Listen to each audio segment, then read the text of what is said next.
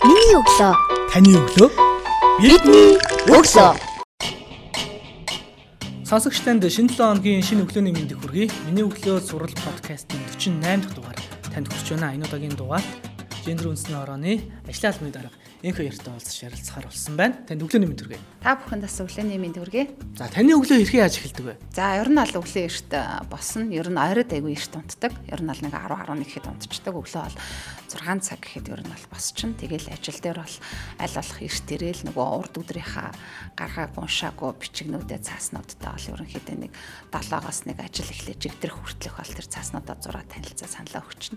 Тэмдэглэлээ юун дээр хөтэлдэг вэ? Өдрийн ажил бол тэгэл ерөнхийдөө нөгөө хуваар төлөвлөгөөний дагуу төрийн байгууллагын ажлууд учраас тэгэл өдрөөр тэгэл сараар 7 хоногоор тий сараар тэгэл жилээр гэсэн төлөвлөгөөнүүд бол гардаг. За мэдээж өдрийн хуваар тэмдэглэлийг бол утсан дээр бол Google календарыг хэрэглэнэ. За мөн хажуугаар нь тэмдэглэлийн дэвтэр бол байнга явж идэг. Тэгээд гол нөгөө ширээн дээр нөгөө календар хэвлэгдсэн календар дээр мөн бас тэмдэглээд явах нь их үр дүнтэй байдаг. Өглөө болгон хүмүүс дадал зуршил болоод хийдэг үйлдэлүүдтэй та жишээ нь өглөөсөө хамгийн түрүүнд юу хийдэг вэ? Тим дадал зуршил бас үйлдэл байгаа юу?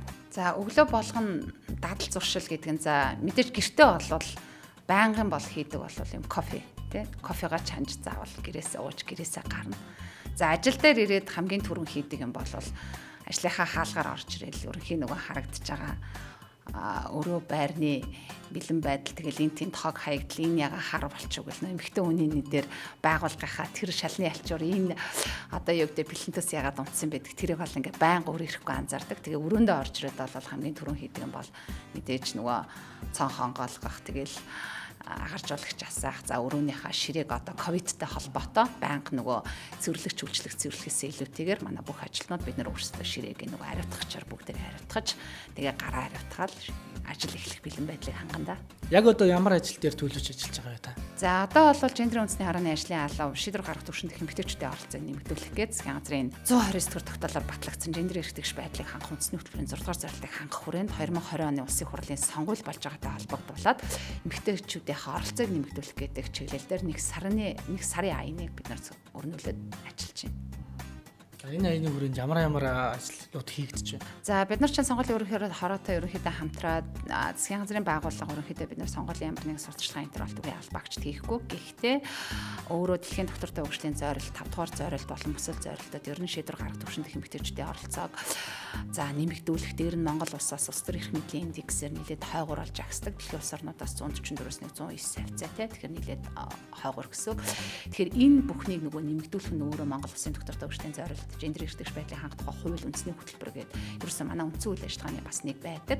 Тэгэхээр энэ хүрээнд бол бид нар өнөөдөр 2020 оны улсын хурлын сонгуул болж байгаатай холбогдуулаад нэр дэвшигчд нам эвслүү сонгуулийн өрөнхий хороод албан ёсноор нөгөө бүртгэж батламжаа гардаж авсан өдрөөс эхлээд 6 сарын 2-нд байна уу 4-өөс бид нэр эхлээд одоо 20 23-ны хүртэл ерөнхийдөө сонгуулийн өмнөх өдөр хүртэлх ингээд сарын аяныг бол бид нар зарлж байна. За энэ аяны хүрээнд бол бид нар нэгдүгürt нийт нэр дэвших батламжаа авсан 13 нам 4 эвсэлүүдэд бид нар альбом тоот бол хүргүүлсэн байгаа. Эмэгтэйчүүдийг дэвшүүлэх хамгийн багадаа 20 удаа нэр дэвшүүлэх. За тэгээд зөвхөн дэвшүүлээд орхих биш гаргахад нь ямар нэгэн байдлаар санхүүжилт те өөр бусад байдлаар дэмжлэг үзүүлж эмэгтэйчүүдэд сонгогчдын бас боловсролын нэмэгдүүлэх чиглэлд хамтран ажиллах гээд за дараа нь уриалга бол гаргасан. За мөн бид нар дараагийн ажил бол 151 эмэгтэй нэр дэвшигчд бид нар онлайн урилга хүргүүлээд бид нар сонгогчдод хандаж юу хэлэх юм, их хурлын гишүүн болох юм бол та юуг анхаарч ажиллах юм.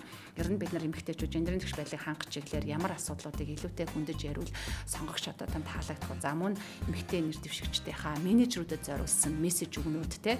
За мөн одоо Монголын одоо түүхэнд а Монголын хөгжил түүхэнд хувь нэмрээ оруулсан эмэгтэйчүүдийнхаа бид нар хийсэн үйл ажиллагаанаас ингэж ишлэл болгож одоо онлайн сошиал хэлбэр өдөр бүр ингэж апдейт гэх шин мэдээллүүдийг оруулах. За мөн олон улсад ямар бас нөгөө эмэгтэйчүүд одоо яг өнөө цаг үед бас ингэж лидер хийж чинь. За коронавирусын цар тахалтай холбогдуулаад бас эмэгтэйчүүд эмэгтэйчүүд тэргүүлж байгаа засгийн газар тэрхэн үр дүнтэй ажиллаж байгаа бай талаар.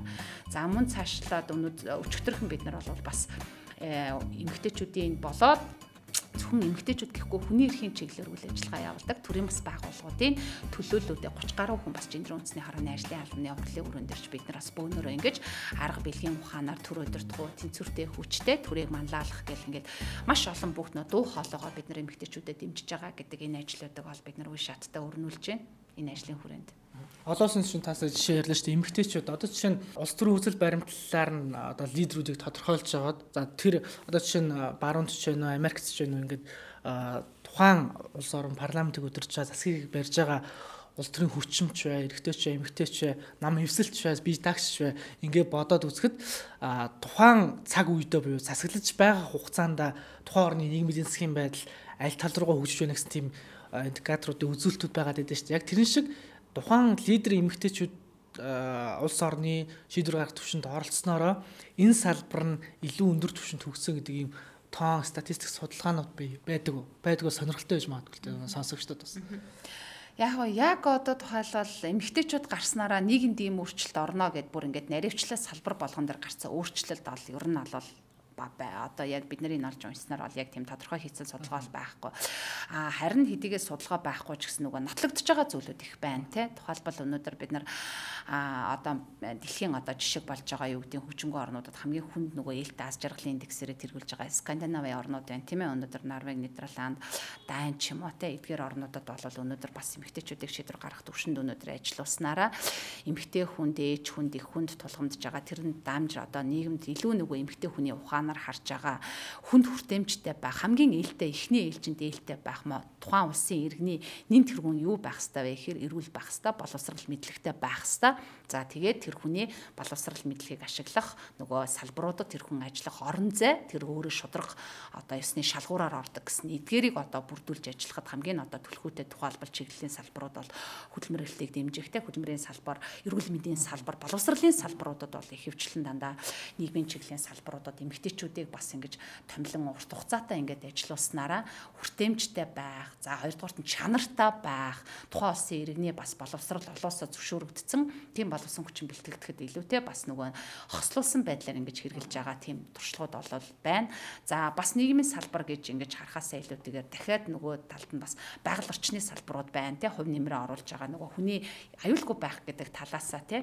За тэгээд дэд бүтцийн салбарууд нь өөрөө бас нийгмийн бүлгүүдэд яаж ээлтэй байх вэ гэдэг дээр бас эмэгтэй хүний нүдээр хардаг тий. Тэгэхээр эдгээр салбаруудад өнөөдөр олон улсад бас эмэгтэйчүүд ажилласнараа тухайн нөгөө нэг чанар яаж дэвшлэгдэж байгаа гэдэг дээр нь практикаар нотлогдож байна гэсэн ийм асуудлууд бол байдаг. Та хэдийн өгч байгаа зөвлөн зөвлөгөөнүүдийг менежерүүд нь за мөн шийдвэр гаргах төвшөнд оролцож байгаа эмэгтэйчүүд хэрхэн яаж нөлөө хүлээж авч байна. За бид нар 151 эмэгтэйчүүдэд ерөнхийдөө онлайн урилга хүргүүлээд за ерөнхийдөө эн чинь нөгөө нэг цуглуулж болохгүй учраас ер нь онлайнаар ингээд бид нар нэг цаг нэг цагийн юм уулзалт хийсэн. За энд бол одоо гендрийн үндэсний хорооны гишүүн мөхөөгөө за сүх жаргалмаагүй тэгээд ардын жүжигчин мэнд баяргүй тийм ээ тэгээд санхүү эдийн засгийн сургуулийн гэрэлмаа гэл ингээл манай бас л үе үе мундаг эмэгтэйчүүд оролцоод өөр өөрсдийнхээ ерүүлийг төвшүүлээд эмэгтэйчүүдтэй талархаал. Гэхдээ яг өнөөдөр улс төрд гарч нэр дэвшиж гин гэдэг бол нэг талаасаа маш том зориг, маш олон зүйлийг зайлааслаж бас энэний төлөө ингэж гарч ирж байгаа гэдэг мундаг эмэгтэйчүүд байгаа. Ер нь бол ингээ 151 эмэгтэй нэр дэвшиж дээ. Энэ 2020 оны сонгуульд. Тэгэхээр Эдгээр эмэгтэйчүүд бол талархалтай. Ер нь бол бас энэ ажлаа хэдүүлээ тасралтгүй хийе. Хэрвээ бид их хурлын гишүүнээр сонгогдвол одоо бидний хамтын ажиллагаа бол төрийн бас байгууллага, иргэний нийгмийн байгууллага, гендерийн үндэсний хорон хамтын ажиллагаагаа илүү цаашаа сайжруулъя. За гарахгүй ч гэсэн бид нар цаашид бидний нөгөө энэ үйл хэрэг бол тасралтгүй үргэлжлэх учраас бид нартай бол байн хамтарч ажилласаа энэ ажлуудаа та бүхэн тасралтгүй хийсэ гэсэн тийм хүсэлтүүд бол айгүйх байсан. Тэгээ бид нар мэдээж 2020 оны улсын хурлын сонгуулийг ингээ хийгээд орхичихгүй. За улсын хурлын сонгуулийн дараа бид нар засгийн газар байгуулагдана. Засгийн газар их хурлын түвшиндх томилгоонууд эхэлнэ. Тэгэхээр гендрийн хуульд байгаа хүсийн тэнцвэрт байдлыг хангах гэсэн томилгоонуудыг бид нар гендрийн үндэсний хараа мөн иргэний нийгмийн байгууллага төрийн албаны зүйлтэй хамтарч ажиллана. Ахад энэ дараагаар бид нар орон нутгийн сонгуульд эмэгтэйчүүдэд дэвших чиглэлээр мөн бас ингэж хамтарч ажиллана. Тэгэхээр өөрөө энэ нь засгийн газрын үндэсний хөтөлбөрийн нөгөө 6 дугаар зорилт учраас засгийн газрын байгууллага бол бүхий л талуудын холбох гүүрэн болоод хамтарч ажиллана гэсэн юм төлөвлөгөөтэй байгаа. Их хурл бол яг харьцангуйас өндөр урд урдчих жилүүдийг бол өндөр тоон үзүүлэлт гарч ирж байна.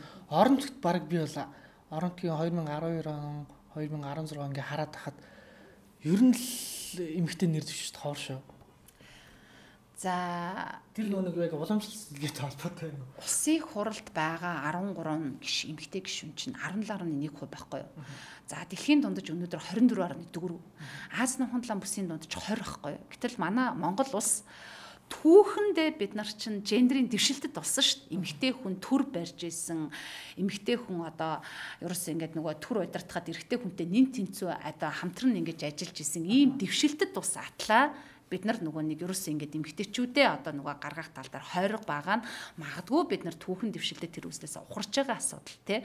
А тэгэхээр хэдий 17% хамгийн өндөр байна гэдэг байгаа мөртлөө энэ маань өөрөө нөгөө шийдвэр гаргах гээд конопт арах төвшөнд хизээч хүрч чадахгүй байна. Хоёрдугаарт нь дэлхийн бид нар ядаж бүсийнхаа дунд ч хүрэх асуудал байгаа. Ингэжээж бид нар бас өнөөдөр энэ улсын хурлын сонгуулийн дараа улс төрийн эрх мэдлийн индексээ урагшлуулна гэдэг бол олон улсад Монгол улс бас нэг үзүүлэлтээрээ сайшаагдах юм боломж бол бидний бас байгаа учраас манай сонгогчид бас тэр том одоо макро төвшин туханаар харж бас ингэж эмгэгтэйчүүдэд дэмжих чухал байгаа. За орон нутаг бол өнөөдөр ингэж байгаа. Орон нутагт бол та бүхэн бас минь нилээд бол оюутай байгаа. Ерөнхийдөө бол орон нутагт болсон хүчний нөөц манай одоо залуучууд ч ерөнхийдөө нэг хот төвлөрөлтөй болох гэдэг шүү дээ тий. Хаа нөгөө ажлын байр байна, хаа хөгжил байна тийшээгээ тэгэхээр илүүтэй бас хүний нөөц нь илүү бас нийслэл талдаа төвлөрөөд байна уу гэдэг бас тооч бас энийг харуулдаг. Тэгэхээр өнөөдөр 2016 оны сонгуулийн үр дүн зүгээр бид нар харахад орон нутагт байгаа аймаг нийслэлийн засаг дарга нарын түвшинд бол эмэгтэй төлөөлөл өнөөдөр байхгүй байгаа шүү дээ. 21 аймаг нийслэл орлоо 22 засаг дарга бүгдээрээ эрэхтэй. За аймгийн хурлын даргын түвшинд мөн л эмэгтэй дарга байхгүй. А гэхдээ аймгийн засаг даргын орлогч даргын түвшинд бол манай одоо эмэгтэйчүүд бол ингээд 4 5 ингээд 7 8 ингээд гарч ирж байна те. Орлогч даргын түвшинд. За хурлын төлөөлөгчдийн түвшинд сум дүүргийн хурлын төлөөлөгчдийн түвшинд бол манай эмэгтэйчүүд бас нэр дэвшиж байна, дэвшиж байна, гарч ирж байна. А тэгээд дунд түвшиндээ буюу аймгийн засаг даргын хамгийн газар дотор хилцс газрын даргын төвшөнд бол манай эмэгтэйчүүд мөн томилогдож байна. Эн чинь нөгөө нэг яагаад вэ гэхээр нөгөө 10 20 жилийн жендэр үрн үлээ гарч байгаа байхгүй. Яагаад тэгэхээр манай Монгол улс чинь эмэгтэйчүүдээ эмэгтэй хүү юм сурах хэрэгтэй, боловсрах хэрэгтэй.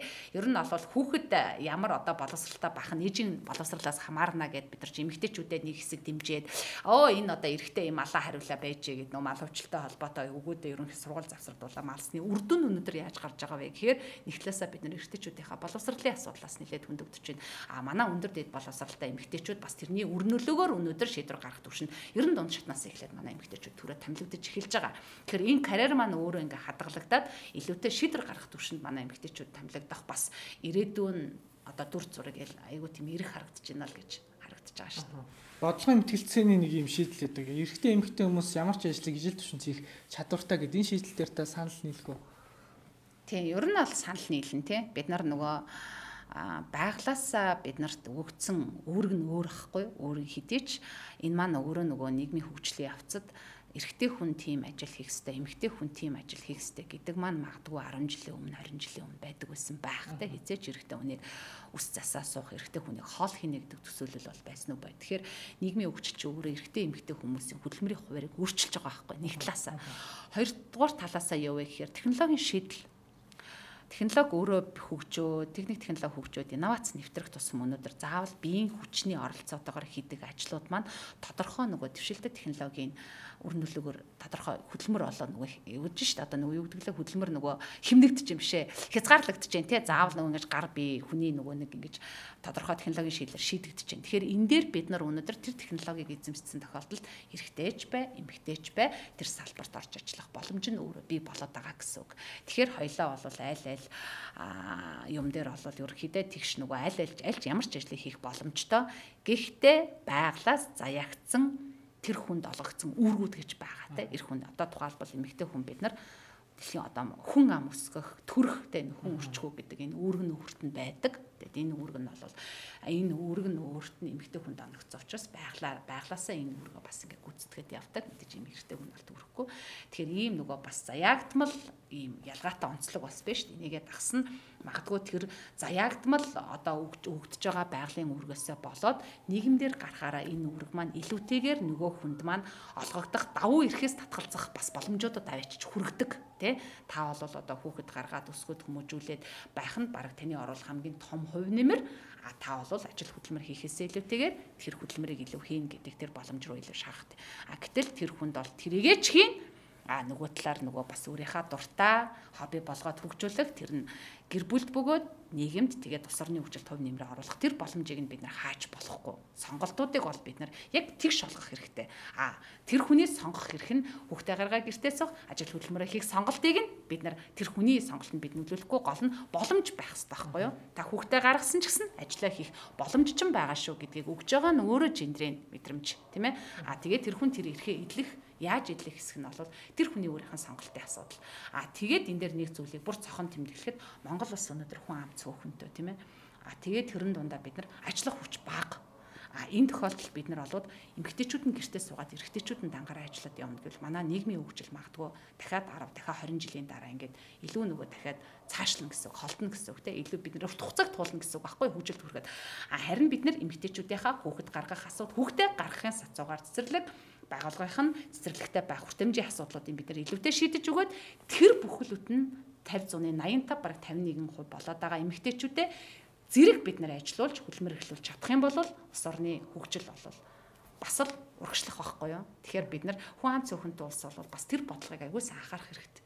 Магадгүй Япон ч юм уу, Солонгос ч юм уу хүн ам одоо ерөнхийдөө төвлөрцний улсуудад бол эмэгтэйчүүд нь ажиллахгүйгээр эрэгтэйчүүд нь ажиллаад болох боломж нь мэдээж нийгмийн хөгжилт нь бол нэг тийм ялгаа байхгүй байхад манай улс бол бас тэрийг анхаарах нэг чухал байна. Эрэгтэй чи эмэгтэй чи хувь хүн байх хэвээр хамгийн чухал гурван чадварыг нэрлэж чигэвэл таны зүгээс ямар гурван чадварыг нэрлэх вэ? Ягаад тэр гурван чадварыг сонгож байгаа вэ? Эрэгтэй ялаа гинэ. Ер нь хувь хүнд байх хэвээр хамгийн чухал чадвар таны бодлоор гурван чадрыг нэрлэж чигвэл ямар гурван чадрыг нэрлэх вэ? Яагаад тэр гурван чадрыг чухал гэж бас та сонгож байна вэ? Эрэгтэй ч эмэгтэй ч хамаагүй. Ер нь хувь хүнд байх хэвээр гурван чадвар тий. За чадвар хэрэгэрс за ингэж л бодож байна л да. Яг одоо байгаадаа ингээд зүгээр ингээ хариулахаар эхнэл эхлээд бол бид нар нөгөө нэг одоо яг бид нар ч нөгөө нэг олон нийтийг соён гээгэрүүлэх зөв хүн байх гэдэг нэг асуудал айгүй чухал байгаа даа шүү дээ. Тийм Монгол хүн яг өөрийн гэсэн бас нэг Монгол онцлогийг хадгалсан нэг тийм байна гэд. Өнөөдөр бас ингээл хятад хүн, герман хүн гэж хэнийг хэлэх ингээл ингээл өөр өөрсдийн брендийг бий болгодог шиг. Өнөөдөр бид нар нэгдүгürt нь хүн байх асуудлыг ярих хэрэгтэй. Өнөөдөр хандлага зөв, эерэг, альбаа зүйлд нөгөө нэг хит туушрахгүй, төв үзэл, а гэхдээ бас шийдэх зүйлдээ шийдэмгий тий зогсоох зүйлээ бас зогсоодог. Гол нь тэр хандлага нь зөв, эерэг байх хэрэгтэй. Амин хуваа хичээсэн биш тий өгөөмөр сайхан сэтгэлтэй хүн хүнээ дээдлсэн ноён нуруутай би бол тэрийг одоо чадвар гэх юм уу байх хэвээр зүйл гэх юм уу тий энэ бол ерөөсөө хүний үндсэн одоо хүн байх Монгол хүний одоо ерөөсөө нөгөө нэг хамгийн эхлээд энэ байх хэрэгтэй А бид нар өнөөдөр боловсралтай гэж хэлээд хідэн сургууль диплом төгснөрөө биш өнөөдөр хүн байх те хүнийг ойлгох хүн байх гэдэг юм хамгийн эхлээд байх хэвээр. Тэр бол чадвар богоо байх хэвээр зарчим юм болоо гэж ингэж харж байгаа. За хоёрдугаарт нь мэдээж бид нар өнөөдөр олон улсад бол а тэрийгний дараагаар бид нар өөрөө өөрийгөө эрүүл байлгах тэр чадвар өөрийнхөө эрүүл мэндэд анхаарах өөрийнхөө эрүүл мэндэд хариуцлагатай байх. Өнөөдөр эрүүл мэндэ хамгаалах нь үндсэн хуулиараа журам төрөг те. Тэгэхээр өнөөдөр бид нар эрүүл одоо мэндэ хамгаалах тэр хариуцлагатай байх тэр одоо асуудал. За мэдээж 3 дугаарт нь бол бид нар боловсралтай бөгөөд хүн болгоно аав ээж болох нь тодорхой. А гэхдээ бид нар нөгөө нэг ялгаатай хүмүүсээ бас мэдээж энд архидуулж болохгүй те бас ингээд ээж болох боломжгүй байна ямар нэгэн байдлаар бас ийм хүмүүсүүд бол зөндөө байгаа ш нийгэмд. Тэр бүхний бид нар ялгаа хэрэгцээг өөрсдөө нийцүүлж болохгүй. Тэгэхээр аав ээж болох, гэр бүл болох гэдэг нь угаасаа ингээд нийгмийн бас нэг байгалийн бас нэг хууль байдаг учраас энэ үүргээ бид нар хэзээ ч умартаж болохгүй. Хариуцлагатай байх, гэр бүл байгуулах, тэгээд гэр бүлдээ үр хүүхдийнхээ өмнө хариуцлага хүлээх, эхнэр нөхөр бие биенийхээ өмнө хариуцлага хүлээх, тэр гэр бүлийг бат бөх байлгах гэдэг юм бас айгүй чухал байдаг. Тэгэхээр боловсрал гэдэг агуулга дотор өөрөө ажил хөдөлмөр хийх хийж байгаа ажилдаа хариуцлагатай хандах, тэрнийхээ тэрэндээ эзэн болох За нөгөөтгөл нийгмийн харилцаа гэр бүл гэр бүлийн харилцаанд ороход гэр бүлтэй хариуцлагатай хандах. Тэгэхээр өөрөөсөө энэ гурван зүйлүүд бол зайшгүй байх стан болов гэж л харж байна. Бидний өглөө эртлэн мосоо сонсож байгаа залуучуудад танд тас нийгэмдээ чиглэсэн залуучууд байгаа уриалсан уриалга төшөөлөж. Ер нь бол яг энэ цаг хугацааг тооцсон. Хоёр төрлийн уриалга хийлгэж байгаа юм тийм. Цаг хугацааны шинжтэй, урт хугацааны. Аа яг урт хугацааны шинжтэй. За урт хугацааны шинжтэй барилгад бол бид нар залуу хүн бүгдээрээ залуучууд Монголын ирээдүйн одоо ирээдүйг сайн сайхан байлгахын төлөө өөрсдийнхөө үр хүүхдийг сайхан нийгэмд амьдруулахын төлөө бид хичээж байгаа. Тэгэхээр бид эерэг хандлагатай зөв тэр нь бол мөнгөтэй байна уу? Хідэн одоо хил эзэмснээрээ хідэн улс орон суралцсанараа гэхээсээ илүү Монгол гэсэн сэтгэлгээтэй эх оронч сэтгэлгээтэй. Тэгээ би бинээ хайрлаж би бинээ ойлгож би бинээ хүндэлж бүгдээрээ би биендээ тийм эрэг үргэлж тийм сайн сайхныг түгээн дэлгэрүүлж одоо тэрний үр шимийг одоо тарих тэр үйлсд бол манай залуучууд хамгийн түрүүнд одоо бүгдээрээ нэгдэж тэгээд залуучууд Монголын залуучууд өнөөдөр ахмадаасаа суралцаж одоо байгаа залуучуудаа хүмүүжүүлж ирээдүйд бид нар яаж тэрийг бүтээхийн төлөө бид яг үзэл бодол ив нэгдэл тэгээд эх орныхаа үнэт зүйлийнхаа төлөө бид тийм эрэг хандлага дуу хоолойг та бүхэн чадлынхаа хэрээр нийгэмд хүргээч. Бити хаа PR хийгээрээ, бити хар юм яриач. Тэ бүх юмуудыг айгүй сайхан болгохын төлөө бүгдээрээ тийм эрэг хандлагатай бай гэсэн энэ уриалгыг бол хэлмээр байна.